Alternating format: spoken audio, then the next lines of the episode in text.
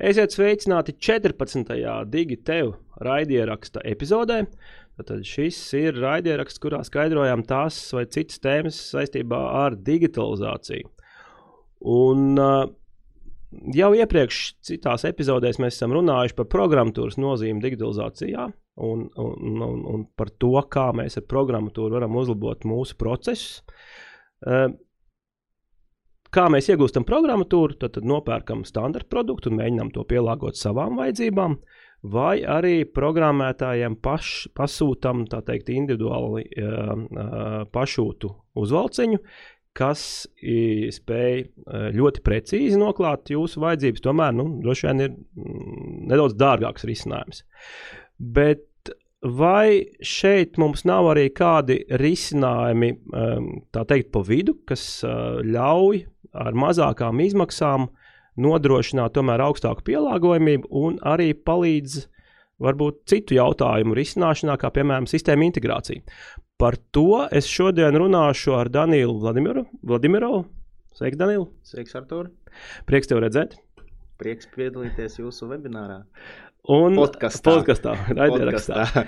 Un, uh, nu, varbūt sāksim ar tādu iepazīšanos, jo es domāju, ka mēs sadzirdot uh, tavu pieredzi, arī labāk sapratīsim, nu, kas tad ir tie par izcinājumiem, ar ko tu šobrīd pamatā nodarbojies un kā tas iet kopā ar digitalizācijas jēdzienu. Varbūt tad pastāst par savu pieredzi un, un, un ko tu dari šobrīd. Mm -hmm. Es droši vien sākšu tieši ar pretēju sākumu, droši vien pateikšu, ko es šobrīd daru. Ah, un, un, tad, tad es, jā, un tad es pateikšu, kā nu, kāds bija tas ceļš, kā esmu nonācis līdz uh, šodienas uh, nu, teikt, situācijai. Jā. Uh, tagad esmu partneris divos uzņēmumos, un viens no tiem ir Capitex Pro, kurā mēs izstrādājam digitālās platformas priekš maziem vidējiem uzņēmumiem sankciju izpētē, risku kontrolē, nodokļu jautājumiem un citiem uh, procesiem.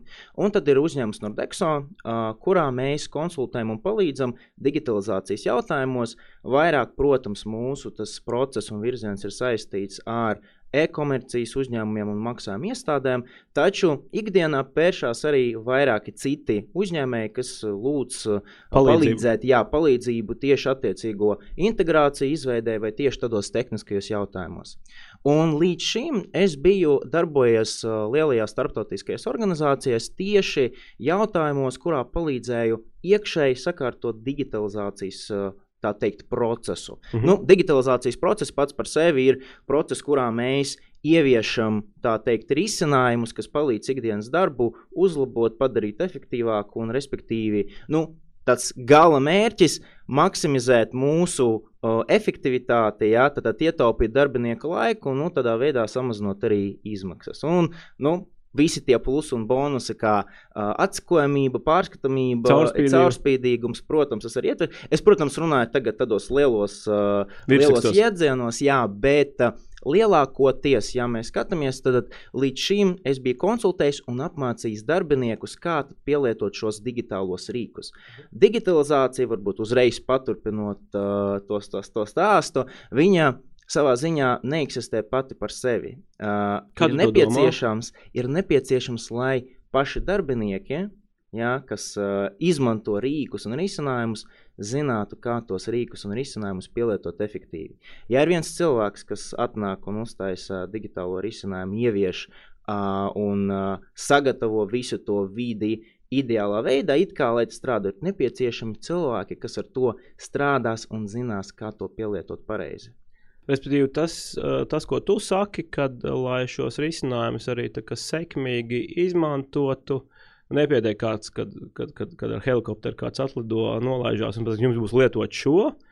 Uh, tas nozīmē, ka darbinieki iesaist gan šīs problēmas izpratnē, gan atbilstošo risinājumu uh, izvērtēšanā, gan arī to risinājumu darbināšanā. Tā. Jā, jā, es teiktu tā, ka īstenībā pēc uh, maniem novērojumiem darbinieku iesaisti ir vis, nu, darbinieku iesaiste ir vislielākā nozīme vispār digitalizācijas procesā. Tas sākās ar ar to digitalizācijas jēdzienu pieņemšanu kā tādu, jo vairums darbinieku sadzirdot vārdu digitalizācija šobrīd uzreiz baidās uh, no, tādiem, no tādām izmaiņām, pārmaiņām. Atlaidīs. Jā, nu, varbūt, jā, negluži, par, negluži jau par to, ka atlaidīs, bet, bet kaut kādas izmaiņas. izmaiņas, atkal no jauna kaut kas jāmācās, atkal mainās procesi, neskaidrība. Mēs arī saprotam, ka izmaiņu procesā arī notiek kaut kāda procesu, nu, tā teikt, procesu bojājumi, kas ir jāizdara un kaut kādā veidā jāveido citādi, piemēram, pielietot manuālo darbu. Nu, tad viena sistēma nestrādā, strādā cita, un pa vidu kaut kas kādam darbiniekam ir jāstrādā. Ja? Bet tu mini jau par, par šo procesu maiņu. Kā domā, um, vai kā no ikdienas uh, tu redzi, sas, sas, sastrādājoties ar saviem klientiem un potenciāliem klientiem, jēdzienas digitalizācija. Mēs esam aizgājuši jau prom tajā nākamajā līmenī, ka mēs saprotam, ka tas tā nav vienkārši pārējai uz, uz, uz, uz bezpapīra, ka tas ir kaut kas mm -hmm, citom, mm -hmm. citādāks process. Tas jau ir noticis? Vai? Šeit, šeit es gribu arī piebilst, mēs arī pēc, uh, pirms podkāstā arī tā ieminējāmies par to digitalizācijas jēdzienu kā tādu. Un ļoti svarīgi īstenībā pieminēt vēl divus vārdus, kā automatizācija un digitizācija. Uh mhm. -huh. Jo bieži vien, kad mēs runājam ar klientiem, kad mēs runājam ar darbiniekiem, tad uh, rodas neizpratne vispār. Ko nozīmē, ko, kāds Jā. vārds vispār ar ko, kā, kādu apzīmējumu sev ietver? Nu, pastāsti. Automatizācija, digitizācija un, un digitalizācija. Digitalizācija, jā. Kā īstenībā, īstenībā digitizācija, ja mēs runājam bez tās digitalizācijas, ja, ir process, kurā mēs, piemēram, papīra veida dokumentu pārveidojam par digitālu dokumentu. Mm. Tas ir konkrēti informācijas pārveidošanas, nu, teikt, jēdziens, ka mums bija formātā, kas mums bija papīrā, un tagad mums ir elektroniskā formātā dokuments pieejams datorā. Ja? Kas nebūtu nenozīmē, droši vien, ka tā ir bilde, tie var arī būt dati. Jā, labākajā. tie varētu būt dati, tas ir digitāls mm. formāts. Mm. Digitalizācija savā ziņā tā ir nu, tas ir procesu kopums, kurā mēs ieviešam sistēmas, kurā mēs uh, mainām mūsu domāšanu un pieeju vispār pie procesiem, ka mums darba procesi notiek ar digitālo pieeju. Tātad mēs tās sistēmas maksimāli pielietojam, lai arī nodrošinātu to digitizāciju savā ziņā. Uh mhm. -huh. Un tas trešais - automatizācija. Nu, ir viens no tādiem digitalizācijas apakš, es, es nodefinētu, jā, kā vienu no digitalizācijas apakš terminiem, kas sevī konkrēti iekļauj, nu, mēs runājam, protams, vairāk par biznesa procesu uh mhm. -huh. automatizāciju, spēju ikdienas biznesa procesus pārveidot tā, lai viņi noritētu ar minimālo cilvēku iesaisti. Tātad atkal digitalizācija pat par sevi nenozīmē to, ka mēs minimizējam konkrēti cilvēku iesaistas laiku. Mēs vienkārši to pieju, izmantot digitālos uh, risinājumus, uh, izmantot digitalizāciju, izmantot automatizāciju. Tas ir viss viens kopums. Arī mākslīgais intelekts iedzem digitalizācijas un virkni citu risinājumu. Mhm. Taču, kad mēs runājam par konkrētiem, piemēram, biznesa procesu automatizācijas procesiem, tad nu, automatizācijas jēdziens šeit daudz vairāk paskaidro, ko mēs īstenībā darām. Uh -huh. uh, nu, parunājam nedaudz vairāk par tiem rīkiem. Tu pieminēji uh -huh. dažādu rīku palīdzību. Kas ir tie rīki, ar kuriem uh, jūs ikdienā strādājat? Ja mēs runājam konkrēti par, nu, droši vien uzreiz par to tēmu no-code, low-code kā tādu, jā, par tiem, kā, par kas, tiem... kas, tā, kas tā ir par tēmu, ko tas nozīmē? Uh, nu, tas ir īstenībā, tad uzreiz sākot uh, par to terminoloģiju, jā, no-code un low-code, tad uh, ir svarīgi uh, tad saprast, ka ir arī tādi risinājumi, risinājumi virkne, kas ļauj lietotājiem pašspēkiem veidot digitālos uh, risinājumus vai automatizācijas procesus. Tas ir bez programmētāja vai inženiera iesaistīts. Jā, jā. Tā ir galvenā atšķirība starp uh, konkrēti klasisko izstrādes pieeju, kad mēs varam pielietot platformu, kādu no digitālām platformām, lai izveidotu savu nu, nosacītu programmu, ja biznesa procesu automatizēto nu, tā teikt, plūsmu, darba plūsmu.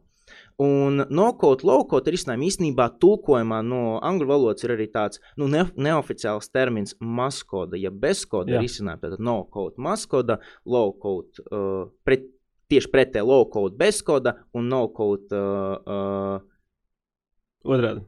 Jā, maz jā, jā, un- un- jā. Nu, es parasti runāju no koda, low-code, Jā. maskoda, bezkoda. Jā, īstenībā tie ir saistīti jēdzieni savā ziņā, bet liela atšķirība ir tajā, ka viens, ko mēs runājam par low-code, ir ar uh, nelielu kodēšanas nepieciešamību, tad mēs varam Es tur nedaudz pakodēt kaut ko sarežģītu. Kaut kas nedaudz ir klāt. jāzina. Jā, Jā, Mhm. bet uh, no-code risinājumam, kad vispār nav nepieciešams nekādas kodēšanas prasmes, lai sāktu veidot savus procesus. Un te arī ļoti svarīgi pieminēt, nu, varbūt pirms ķerties klāt pie kaut kādiem konkrētiem risinājumiem, vispār par to konceptu, uh, apskatīt, kāpēc vispār tās sistēmas ir radušās un kas ir tas uh, to sistēmu lietotājs. jā pastāstiet. Mēs jau pieminējām, ka īsnībā ā, šos risinājumus izmanto paši konkrēti nu, paši cilvēki bez IT speciālistu piesaistes, un to low-code, no-code sistēmu īstenībā izplatība šobrīd ir tieši saistīta ar to, ka vairums lielajās organizācijās, vairums darbinieku mēģina ietaupot savu un savu kolēģu laiku, īstenot automatizācijas procesus. Mhm. Tas Tā tad, jā. patstāvīgi ātrāk tikt pie rezultātu. Jā, Jā, Bez jā. Specifiskām kompetencijām. Ļoti vienkāršs piemērs ir finanšu departaments, Jā. kur, uh, kur, kurā strādā ar uh, grāmatvedības datiem, Mhm. un vadītāji pieprasa katru, piemēram, uh, nedēļu Pirmdienas sūtīt, jā, rītā. pirmdienas rītā. ti- Tikos sūtīt konkrētā formātā, uz konkrētiem e-pastiem, piemēram, konkrēti apstrādātu o, atskaiti ja? vai prezentāciju. Īsnībā, nu, Uh, klasiskajā izpratnē mums ir kāds uh, praktikants finanšu Kurš to departamentā, ku, kurš to dara, kurš no rīta 8.00 atnāk uz darbu, zina, ka viņam līdz 9.55, jo 10. sākās sapulce, jānosūta tā atskaite, un viņš sēž un tajā laikā arī sagatavo tā atskaiti. Ja mēs runājam par bezkoda nokodu pieju, tad šo visu procesu, atskaites iegūšanu, atskaites sagatavošanu un atskaites nosūtīšanu izdara sagatavotā darba plūsma, kas to dara automatizēti bez cilvēka iesaistes.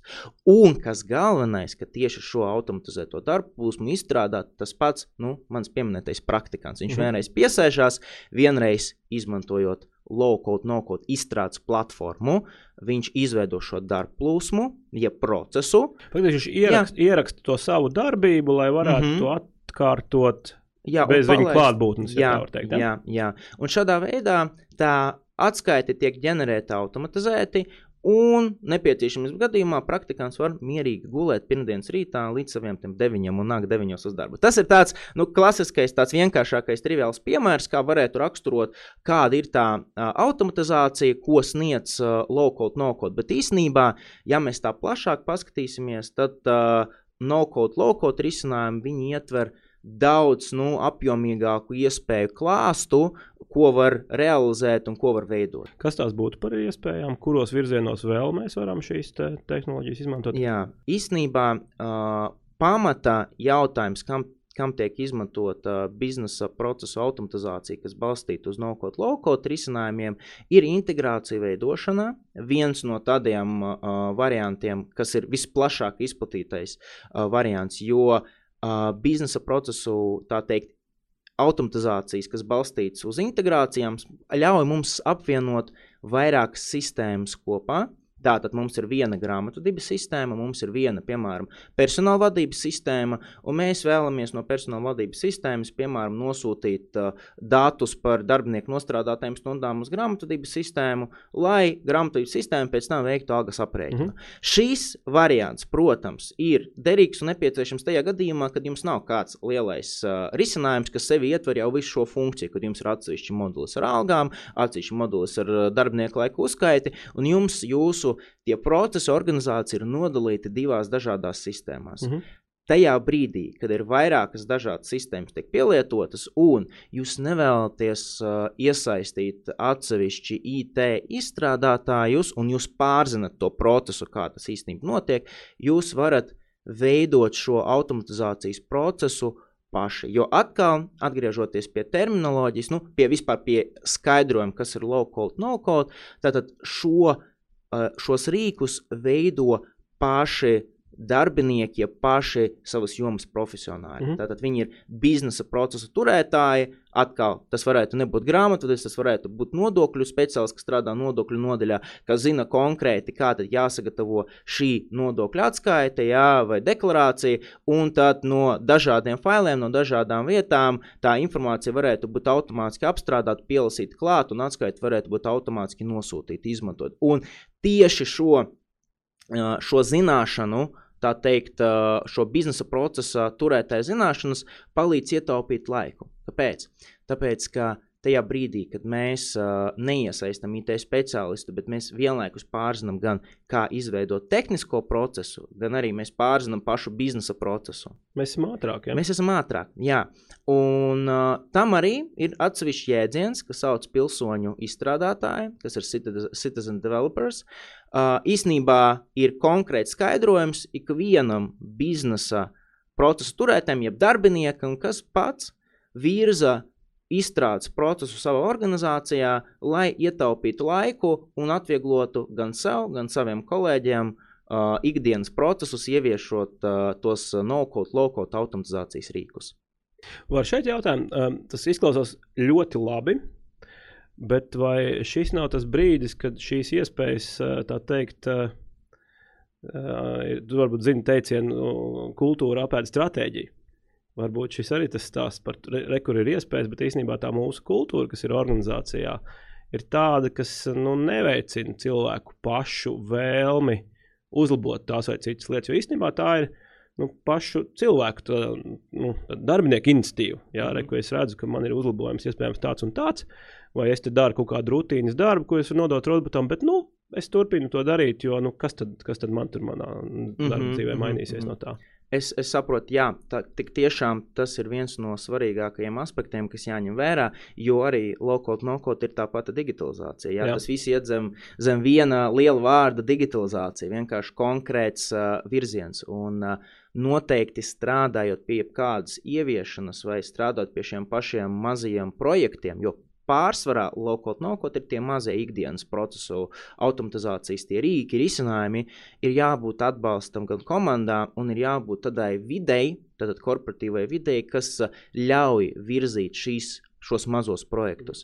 Manā pieredzē ir bijuši dažādi gadījumi. ā, Arī ir bijis gadījums, kad uh, ir vide, kas ļauj virzīt šo procesu, bet nav atbalsta no vadītājiem. Un ir tieši pretēji, ir ļoti liels atbalsts no vadītājiem, ir atļauts veidot, ir sagatavoti procesi, kā veidot un kā darbinieks iekļaut tajā procesā, bet lielākoties viss bremzē pie jautājuma par vidi un vidi tieši no uh, birokrātijas, no procesa apstiprināšanas, no informācijas drošības un tādiem aspektiem. Jo īstenībā, jā, es pilnīgi piekrītu visiem, kas saka, ka noteikti ir jābūt informācijas drošības procesiem, bet uh, uh, ņemot vērā riskus, kā viens no tādiem lielākajiem riskiem, kad mēs runājam par biznesa procesu automatizāciju ar low-code un no-code risinājumu, ir informācijas drošība. Jo, kad darbinieki paši veido uh, risinājumus, un ja tas vēl balstās uz integrācijām, starp sistēmu integrācijām, veidojas ļoti liels informācijas drošības risks, Mhm. par ko nu, uh, droši vien attiecīgajās organizācijas ir jādomā, kā lai mazinātu uh, to pašu manas pieminēto piemēru datu sinhronizācijas starp personāla vadību un grāmatvedības uzskaiti. Nu, jūs saprotiet, ja tie dati ar darbinieku algām, ar darbinieku laiku kaut kur tiek nosūtīti uh, nekorekti, nedroši, nu, tad tas var rezultēties ar ļoti sliktām sekām. Bet droši vien tas ir izcinājumi jautājumi. Vienkārši tie ir tie papildus riski, kas, kas tad, tad ir organizācijā. Tie ir, jā, tie ir papildus riski, un tie arī bremzē. Un, uh, šis vienkārši jārisina ar tādu pieeju, ka tomēr jāspēj nodalīt, kas ir tie risinājumi, kas ir bez riska risinājumi, piemēram, iekšējai uh, procesu automatizācijai, iekšējai lietošanai, ja, uh, tur sagatavot, apstrādāt atskaiti vai uh, izmantot un nosūtīt iekšējos ēpastus, ja, un starp uh, tiem, kas risinājumiem, kas integrē dažādas sistēmas, iekļaujot nu, diezgan sensitīvu informāciju. Es neiesaku nekad taisīt tādas integrācijas, kas tur ļoti sensitīvu informāciju pārsūta, ja, jo tas varētu būt uh, nu, tāds risks, jo risks jau neveidojas tikai no tā, ka pats darbinieks vai pats izstrādātais, kas izdara to izpildu nepareizi. Risks ir saistīts ar pašu platformu, ko mm es varu risinājumu konkrēti, ko es izmantotu. Jo Uh, svarīgi, bet tas, ko mēs nepieminējām, ka low-code, no-code viņš neeksistē pats par sevi. Low-code, no-code balstās uz low-code, no-code izstrādes platformām. Pastāst varbūt par to, kas, kas ir tās platformas, un, un nu, varbūt to arī vari ieteikt no savas mhm. pieredzes, mm -hmm. kur, kur, kuras platformas ir, nu, tā teikt, tās, ar kurām varbūt var sākt un, un vienkāršākas lietošanā, vai, vai kas ir tas, ko tu iesaki arī saviem klientiem? Mm -hmm. Tātad, uh, low-code, no-code izstrādes platformas uh, ir nu, platforma, jeb uh, digitāls risinājums, mākoņa risinājums, kurā ik viens lietotājs var ienākt un izmantojot pieejamos uh, blokus, jā, tātad konstruktorus. Lego. LEGO. Jā, nu tad, respektīvi, skaidrojot seš, sešgadniekam, tad arī būtu iespējams paskaidrot, ka tajā platformā Gluži kā LEGO kastītē ir ļoti daudz uh, kluciņu dažādā, dažādās krāsās un dažādos izmēros. Un no šiem LEGO gabaliņiem var būvēt vai nu māju, vai nu koku, vai nu integrācijas starp dažādām sistēmām. Un tādas, kādas jūs integrācijas, jūs ņemot attiecīgos uh, LEGO gabaliņus, jūs varat salikt tādu integrāciju, lai viņi atbilstu tieši jūsu vajadzībām. Ir gatavas jau iestrādnes, gatavi tā teikt, savienotāji, ko var pielietot un izmantot. Nu, un šeit arī rodas tā atšķirība starp low-code un no-code. Ja mēs izmantojam pavisam no-code risinājumu, tad tur nav iespēja kaut ko piekodēt, klāt, jā, uzrakstīt filtru vēl pievienot vai kaut jā, kādā. Jā, jā, kaut ko ļoti specifisku, ko, un ar koda zināšanu. Tad. Mm -hmm. Un ir arī low-code, kur tomēr mēs varam to izdarīt, un tad, uh, tas mums paver vaļā daudz plašākas iespējas uh, kaut ko varbūt tīri tehniski vēl implementēt mūsu integrāciju vai mūsu procesā. Bet arī ļoti svarīgi, ka um, svarīgi pieminēt, ka low-code un no-code varbūt tas ir drusciņš nos no tās tēmas, pie kuras mēs noteikti atgriezīsimies un runāsim, bet uh, low-code un no-code nav jau tikai pat par sevi tā platforma, kur mēs varam veidot integrācijas, bet uh, ar low-code un no-code var saprast arī un izstrādes platformām, var saprast dažādus digitālos produktus, piemēram, mājaslapu veidošanas rīkus. Mm -hmm. ja? Piemēram, kaut kādus. Pieeja kā tāda. Jā, jā pieeja kā tādu tu atver. Ir ļoti daudz tādu pieejamo rīku. Es pats arī dažas tādas biju izmantojis, ka tu atver, uh, izveido savu mājaslapu, liekot dažādus konteinerus, saliekot, uzrakstot procesu, un tev uh, lietotais noklikšana uz podziņa un uh, tajā mājaslapā un izpildās noteikti procesi. Ja? Tas viss īstenībā ļoti saistīts ar konkrētu produktu. Un low-code, no-code pamazām nāk arī mūsu ikdienā, ne jau tikai kā izstrādes platformu, tā teikt, veidolā, ja, bet arī kā produktu sastāvdaļa, IT produktu sastāvdaļa, ko mēs ikdienā Lai izmantojam. Panākt augstāku pielāgojamību. Jā, un lietotāju, jā, lietotāju spēju pašu spēkiem konfigurēt sarežģītus procesus. Jā, jo īsnībā bieži vien uh, Uh, ir ļoti daudz opciju sistēmās, ko ļoti sarežģīti izveidot tā, lai lietotājs to varētu konfigurēt, uh, izmantojot kaut kādas podziņas vai izmantojot uh, tur, tur uzstādījumu lapu. Ir nepieciešams veidot procesus, ja, kā piemēram strādā sistēma, lai tur pēc pirmās lapas atverot, atveras nākamā un tā tālāk kaut kāds process, ko mēs iebūvējam mūsu sistēmā, mēs tagad ļaujam lietotājiem to darīt, izveidot pašu spēkiem, pielietot lokot, nokot pieeju. Bet ja mēs no, tomēr no tās pieejas mm -hmm. pārlecam uz kaut kādiem konkrētiem risinājumiem, platformām, kas ir tas, ko, ko, ko, mm -hmm. ko tu, piemēram, izmanto? Šeit svarīgi uzreiz teikt, ka īstenībā kādu platformu, lai, lai izvēlētos kādu platformu, nepieciešams saprast, kas ir tā vide, tieši mākoņu pakalpojumu, jā. Jā, mhm. mākoņu pakalpojumu vide, kurā dzīvo tā organizācija.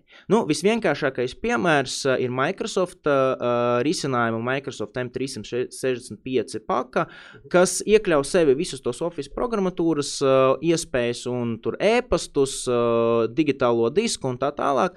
Un šiem lietotājiem, atkarībā, protams, no abonēšanas plāna, ir pieejama arī papildus rīki, kas saucās nu, Microsoft Power platformas risinājumi. Un tas iekļauj gan Power Automate, Power Apps. Nu, ja mēs runājam konkrēti par, par low code automatizācijas risinājumu, tad šajā gadījumā Power Automate risinājums ir viens no tiem, kas īstenībā ļauj veidot procesu automatizāciju starp vairākiem Microsoft produktiem, gan arī iekļaujot ārpus Microsoft vidas citus produktus, ar kuriem ir izveidots jau gatavas tās gatavi savienojumi, vai arī ir iespējams izveidot savu integrāciju ar kādu citu sistēmu, pielietojot API. Ja? Tas arī ir iebūvēts. Tātad, nu, viena no, es teiktu tā, pēc, ja es nekļūdos, tad pēc iepriekšējā gada Gartner uh, ziņojuma, viņi tur sastāda konkrēti tos uh, um, apkopo statistiski un novērtē katru no sistēmām arī no-code, low-code ziņā,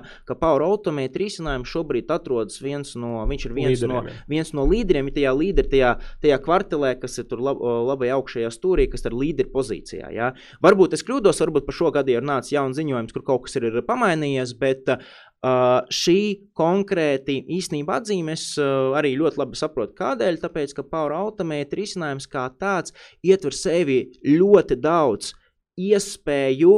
Tieši, kad mēs runājam par integrācijām, tad jūs varat, uh, kā lietotājs, atvērt Power Automate. Jūs varat pateikt, ka, piemēram, izveidot tādu skriptu, kas saņemot datus Microsoft formā, šos datus sagatavo, piemēram, kā uh, Word dokumentu, un to Word dokumentu nosūta uz apstiprināšanu, nu, piemēram, darbinieks komandiem mm. rīkojumu, ja grib aizpildīt, tātad uh, uh, komandiem pieprasījumu aizpildīt tie pieteikumu formā, automātiski ģenerēts uh, dokuments ar uh, komandējuma uh, formu. Nu, ja gadījumā, protams, tas droši vien nav tāda mūsdienīga pieeja, kad mēs ģenerējam atsevišķu tādu A4 lapu, kurā ir uh, komandējuma rīkojums, bet kā piemērs, jā, lai saprastu, kā tas strādā. Jo dažkārt ir tāda nu, prasības, ka ir nepieciešams. Vai lab, labāks piemērs būtu darbinieku līgums? Jā, bot, tas, ir, tas ir vēl labāks piemērs. Un, Uh, šo darbinieku līgumu, tad, uh, piemēram, personāla daļas vadītāja aizpilda informāciju par darbinieku attiecīgajā formā.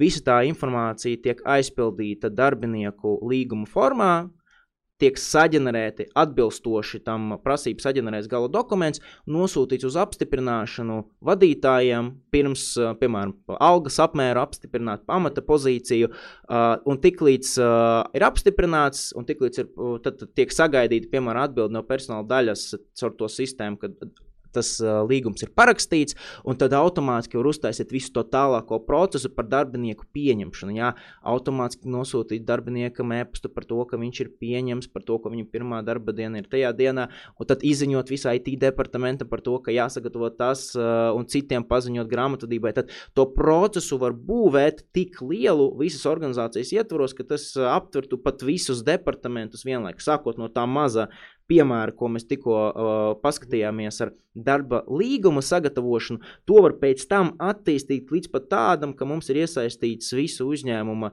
sastāvdaļas, jā, un kam izziņot, svarīgi, jā. Jā, kam tas ir svarīgi, un tieši tajā brīdī, kad viņam tas ir svarīgi. Jā. Es domāju, tad Power Automate nodrošina šo plūsmu, jā, mm -hmm. darbības secību, savukārt Power Apps ļauj veidot uh, vizuālo saskarni, jā. Jā, kur jāievada dati, varbūt jāapstiprina kaut kādas darbības, jāveic tā. tā jā, bet uh, jāņem vērā, ka Power Apps savā ziņā ir risinājums, kas mums ļauj veidot tādas vizuālās saskarnes, jeb interfeisu priekš mūsu lietotnēm. Tātad, respektīvi, jums ir atsevišķi Power Automate process, kas ir process, tātad, kas ir darbības, ko, kas notiek uh, Microsoft pakalpojumu vidē, Un Power Apps ir tā vieta, kurā nu, savā ziņā formas, jeb uh, savā ziņā interfejs, ar ko lietotājs var iedarboties, lai iedarbinātu to arī Power, uh, Power Automate procesu. Nav obligāti, ka tieši Power Apps iedarbinātu tas Power Automate procesu, jā, mm -hmm. bet tā ir papildus opcija. Taču dažkārt Power Apps arī pieprasa tādu nelielu kodēšanas uh, prasmi, ja kaut ko sarežģītu grib izpildīt. Tur jau vairāk tā interfeisa lietas balstās uz arī tādas kodēšanas uh, principiem, bet uh, arī minimālām zināšanām var izveidot ļoti vienkāršus interfeisus, lai uh, pēc tam to kā programmiņas izmantot Microsoft pakalpojumu vidē. Un Un kāpēc kā programmas?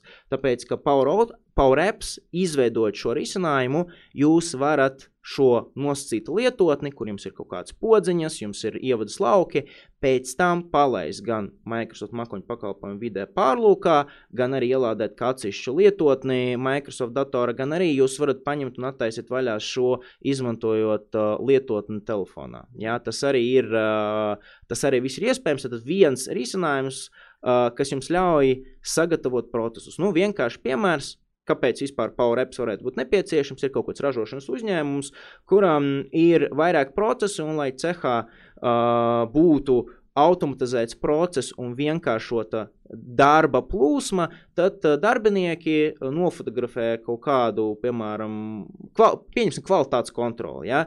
Darbinieks uh, atzīmē, konkrēti viņa atnāk paziņojums, viņš noskanē vai nokopē vai nofotografē konkrētu preci, jā, un tad atzīmē kaut kādus parametrus, un tad uzreiz aiziet uz datubāzi, un, piemēram, par to tiek ģenerēts automātisks ziņojums apstiprināšanai tālāk tur ražošanas vadītājiem. Jā. Nu, tas ir viens no piemēriem. Vai nu arī kaut kāds pārdošanas, um, pārdošanas atsakošanas uh, arī process, ja, piemēram, mums iegādājas kaut kas vai uh, iegādājas kaut kādus konteinerus, jā, uh, mēs arī nofotografējam, mēs arī piefiksējam, izmantojam šo kā tādu rīku, caur ko mēs varam pat taisno ļaut darbiniekiem komunicēt ar tiem Exceliem, ar tiem datubāzēm, kas stāv aiz tā visa. Jā, bez nepieciešamības pēc tam katram darbiniekam prasīt manuāli apsēsties uh, un ievadīt šo informāciju Excelī vai kaut kur citur. Vienkārši tajā brīdī, kad to vajag, nofotografē, ievadi vai nospiež to podziņu, jā,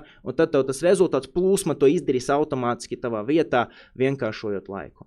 Tā kā tas arī savā ziņā ietaupa laiku uz izstrādes jautājumiem, jo uh, nav nepieciešams piesaistīt dažos jautājumos uh, atsevišķos IT speciālistus, kas to izdara uh, jūsu vietā, bet šeit atkal ir citi jautājumi, kas ir ļoti nopietni. Jūs jau visu, ko sataisīt, arī nevarēsiet. Jo ņemot vērā, ka, protams, tie rīki ietver diezgan plašu iespēju klāstu, tad ir nu, pastāv savas limitācijas un pie noteiktiem jau projekta apjomiem. Es nekad neiesaku izmantot jau Power Apps vai Power Automate risinājumus, jo tas viss strādā uh, uz tā teikt, mākoņa risinājumu vidē, bet uh, lai nodrošinātu to, ka tas pēc tam ir uh, vēl plašāks, vēl funkcionālāks uz nākotni. Ja, tomēr, jau, ja, ja jau sākumā ir liels projekts, tad visticamāk nākotnē viņš vēl apaugs ar vēl papildus moduļiem un iespējām, būs nepieciešams integrācijas, un tad uzreiz ir jāizdomā varbūt tāds cits risinājums, kas jau tomēr ietvertu IT speciālistu piesaisti. Tur tāda to robežu atrast diezgan sarežģīti, kurā nu, brīdī jā, sajust, jā, bet to var sajust tad, kad jūs jau pie paša uh, tā teikt, biznesa procesa automatizācijas risinājumu izstrādāt, gribat piesaistīt pie low-code, no-code, gribat piesaistīt speciālistu, tajā brīdī jau ir uh, tas jautājums par to, vai nevajag tomēr to īstenot caur IT klasisko izstrādes ceļu. Tur varētu būt tā, ka tas salīdzinājums, man vismaz galvā tas salīdzinājums tā, tu vari brūvēt uh, alu mājās pagrabā, bet līdz noteiktam apjomam. Mm -hmm. Un tad, kad gribi nu, teiksim, panākt to, ka tas apjoms ir lielāks, vai to, ka es varu nepārtraukti nodrošināt, no, nu, tas varbūt nav labākais piemērs, bet nu, tiksim, saglabāt nepārtraukti, ka tas alus garšos vienādi. Uh, Vai, nu, un arī ievērot, un, visas, un ievērot visas prasības, visas nu, tā prasības, kā rītīgi visas prasības, tā mm -hmm. ļoti smalki. Nu, tad kaut kāds brīdis, kad tu pieņem lēmumu, tagad man tā rūpnīca jāsāk būvēt. Jā. Nu, nu, tas, jā? Pirma, jā, tas pirmais, to, to uzreiz grūti noķert. Bet, to, mirkli, bet to var sa sajust. To, to var sajust, un tas pirmais faktors, kam es iesaku pievērst uzmanību, ir tieši tad, kad jūs priekš tās jau lokot, nokot izstrādes gribat piesaistīt atsevišķu speciālistu vai atsevišķu darbinieku. Jā, kad viens cilvēks jau tikai uz to jau jau tā jā, darbās, jā, jā, jā, tas, jau, domāt, jā. tas, tas jau, jau ir pirmais kaut kāds signāls. Jā? Tas jau ir par daudz, jo klasiskajā izpratnē tas jau mums uh, ir uh, speciāli radīts, lai paši biznesa procesu turētāji veidotu savus ikdienas procesus. Un, ja es, būdams, piemēram, grāmatvedis vai jurists, redzu, ka ir kaut kāda problēma manā darbā, es, es tērēju uz to laiku. Pats salaboju. Jā. jā. Mm. Tāpēc viss, um, vis, uh, um, es teiktu, noderīgākais priekš pašiem, uh, priekš pašiem darbiniekiem, priekš pašiem vadītājiem, tomēr varbūt uh, nu, investēt darbinieku apmācībās un tieši rast to izpratni, kāpēc ir svarīgi mums varbūt ne jau tikai būt par lietotājiem, bet bišķītiņu vairāk. Lokot, nokot neprasa ļoti sarežģītas zināšanas.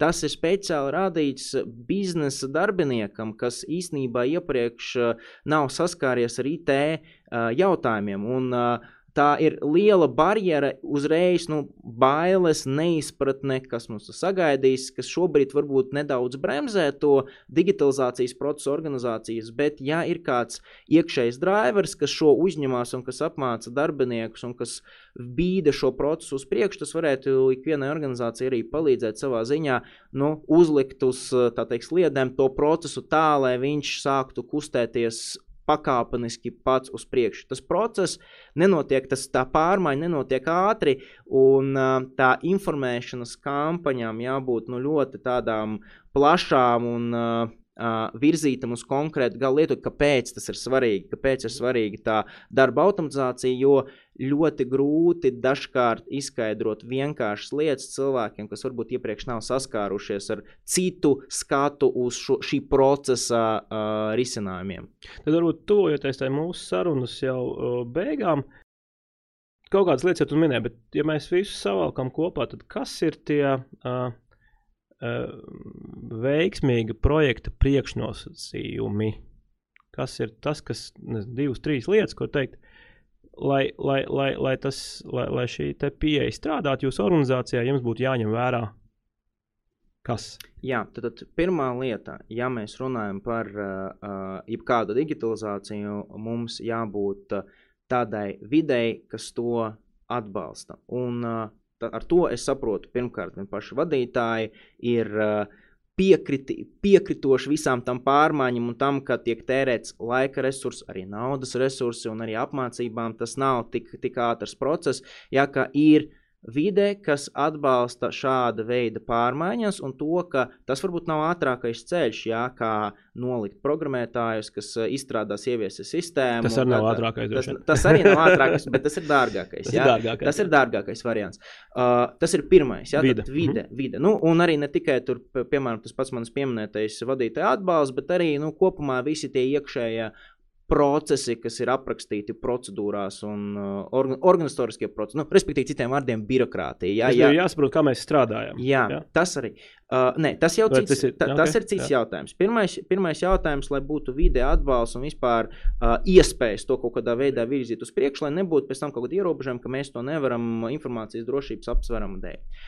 Otrais process ir tieši tas, tā izpratne par esošajiem procesiem. Tātad par to, kā organizācija šobrīd funkcionē un kā iekšēji, ja, nu, tas atkarīgs, protams, no kāda konkrēta uzdevuma. Jā, tad, tad, ja ir kaut kāds konkrēts automatizācijas pro, process jāizveido, vai, bet tad, tad ir jāskatās uz konkrētu, tur, piemēram, iesaistīto pušu, uh, iesaistīto personu. Tur, Nevar algoritmizēt kaut ko, ko mēs nesaprotam, kā tas jā, strādā. Jā, jā. Tad, tad, uh, Kā, kā šo varētu risināt? Nu, tad, tad ir vairāki varianti. Vai nu ir kāds, kas šo procesu spēs apkopot un izprast, vai nu labākajā gadījumā šo no paša sākuma arī kārtot un veidot diezgan tādā saprotamā, struktūrētā procedūra apraksta veidā. Mm -hmm. tad, īsnībā tie dokumenti var arī ļoti daudz, gatavi dokumenti var arī ļoti daudz palīdzēt ikdienā, lai saprastu, kā tas process organizē. Cits jautājums par, par to, vai vispār tas process notiek. Ir vai, vai viņš vispār ir vajadzīgs? Vēl, vai vispār vajadzīgs, un vai vispār notiek tā, ka viņš ir aprakstīts. Nu, ja nav vajadzīgs, tad nu, tas ir tas īsais ceļš, ka droši vien tagad jā, jāapstrādā un jāpārveido. Tas ir tas otrais punkts. Nu, un trešais punkts ir tās apmācības un driver, tā teikt, pieejamība. Ko es domāju par driveru cilvēku? Jā, driveris nu, ir tas, kas to bīda procesu uz priekšu, kas iedvesmo un kas spēj pastāstīt un uh, izskaidrot, kāpēc tas ir nepieciešams, uh, un neskatoties uz uh, vairāku darbinieku, ja mēs runājam par lielajām organizācijām, kaut kādiem neskaidrībām, varbūt uh, neapmierinātību, spēju to visu turpināt, jo tas ir pārmaiņu process, un jebkurā brīdī būs arī tādi darbinieki, kas nebūs apmierināti ar procesu, uh, būs arī tādi, kas būs pārlieku apmierināti ar procesu, un uh, būs arī tādi, kas neko nesapratīs. Un tad, tad ir nepieciešams organizēt tā, lai cilvēki organizācijā būtu lietas kursā par to, kas vispār notiek, kādi konkrēti ir tie soļi, kas tiek darīti, kāds ir rezultāts, ja mēs runājam par uh, pakāpenisko ieviešanu, lai būtu informēšanas process nodrošināts, lai darbinieki nejustos, ka kaut kas notiek, tikai neviens mēs nezina. nesaprotam, kas notiek. Nezin, jā, mēs nesaprotam, kas kāpēc? notiek, kāpēc notiek un kad tas vispār beigsies. Ja kaut kas kaut kas dara, jābūt, ka visi ir iesaistīti šajā procesā un saprot, kāds ir gala rezultāts. Un tas neiekļaut tikai informēšanu, tas iekļauj arī apmācības. Jo galu galā tas, ar ko mēs sākam arī runāt, ka uh, digitalizācija nav jau stāsts tikai par to, ka kāds atnāk, izdara un aiziet prom, bet stāsts par to, ka mēs pēc tam spējam to pielietot, pielietot efektīvi. Jo tas ir rādīts priekš mums, nevis priekš uh, vadītāja, kas ir pēkšņi gribējis ieviest kādu sistēmu vai automatizēt šādu procesu. Mums ir jāspēj saprast, kā mums tas vispār tas risinājums palīdzēs, vai vispār rezultāts, ko mēs bijām iecerējuši, ja ir tas sagaidīts rezultāts, vai viņš ir tas pats, jo varētu būt tāda situācija, ja mēs uztaisījām pat ar low-code, no-code risinājumu, viņš mums neder. Un tad nu, mums ir nu, jāpieņem, tā ir par par, par kļūdu, un tad jāsāk jā, vēlreiz, darīt jā. no, no, no jauna. Un šeit ir atkal salīdzinājumā ar lielo IT izstrādi. Jūs varat ar ļoti maziem resursiem jā, spēlēties un mēģināt būvēt un testēt, taisīt proof of, of concept, jā, vairākus risinājumus tieši ar to low-code, no-code platformu.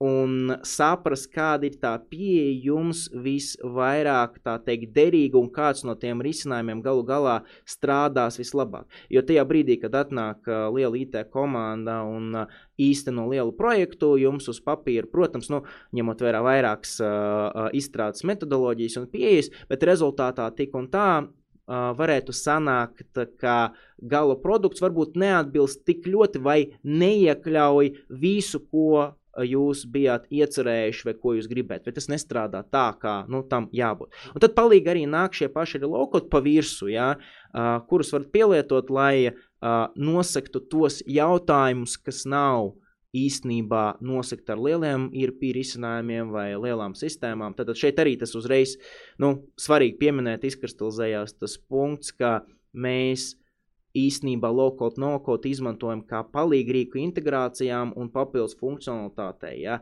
Nevis, lai aizvietotu lielos risinājumus. Tas nekurā gadījumā mums nebūs pie, uh, efektīvi pie kaut kādā ļoti liela, liela sistēmas aizvietošanas. Labāk paņemt lielu grāmatu, nu, ne grāmatvedības, bet droši vien personāla vadības uzskaits uh, sistēmu, nekā būvēt visu to līguma uh, sagatavošanas procesu, visu no nulles, visu, jā. Jā, no nulles, izmantojot to Power Automate. Protams, jūs varat pie, pielāgot klāt jūsu organizācijas vajadzībām, tik cik jums tas tīri no biznesa skata punkta ir derīgi, bet no otras puses tur ļoti lielie riski informācijas drošība, kaut kas varētu netik labi arī strādāt no, no tehniskā, tā teikt, realizācijas, jo savas limitācijas ierobežojumi arī ir. Un tad beigu beigās dažkārt, nu, ir jābūt tādai stabilai sajūtai, ka informācija vai kaut kādi procesi, tādi biznesa kritiskie procesi, viņi notiek nu, tādās uh, uh, uzticamajās sistēmās, kas īstenībā strādā un uh, neietekmē īstenībā darbu. Un tad mēs būvējam ar tām sistēmām dažādas integrācijas, savienojumus un papildinām ar funkcionalitāti. Ok, super, paldies. Tad apkopojot uh, vide, mm -hmm. uh, izpratni par procesiem un uh, apmācības. apmācības. Nu, man kaut kā liekas, ka šis trīs lietas arī ne tikai low-code, no-code uh, ir svarīgas. Visai bet, ja, digitalizācija. Tieši tā. Tāpēc uh, paldies uh, par sarunu šodien. Uh, savilkām, uh, runājām gan par low-code, no-code, kas tas ir un, un, un, un kad tas var būt noderīgi. Un īstenībā izvilkām arī ļoti labu uh, izpratni par to, kas tad kopumā digitalizācijas projektiem ir, ir, ir, ir, ir svarīgi un nepieciešams, kas ir, tev, kas ir tā veiksmes formula. Uh, paldies, ka klausījāties un skatījāties šodien. Uh, paldies, Danil, tev par paldies, paldies, Artur, šodien. Paldies visiem. Un uh, aicinu arī citus uh, raidierakstus klausīties populārākajās uh, straumēšanas un uh, skatīšanās vietnēs, tad, tad Spotify, uh, Apple, YouTube. Paldies un jauku dienu!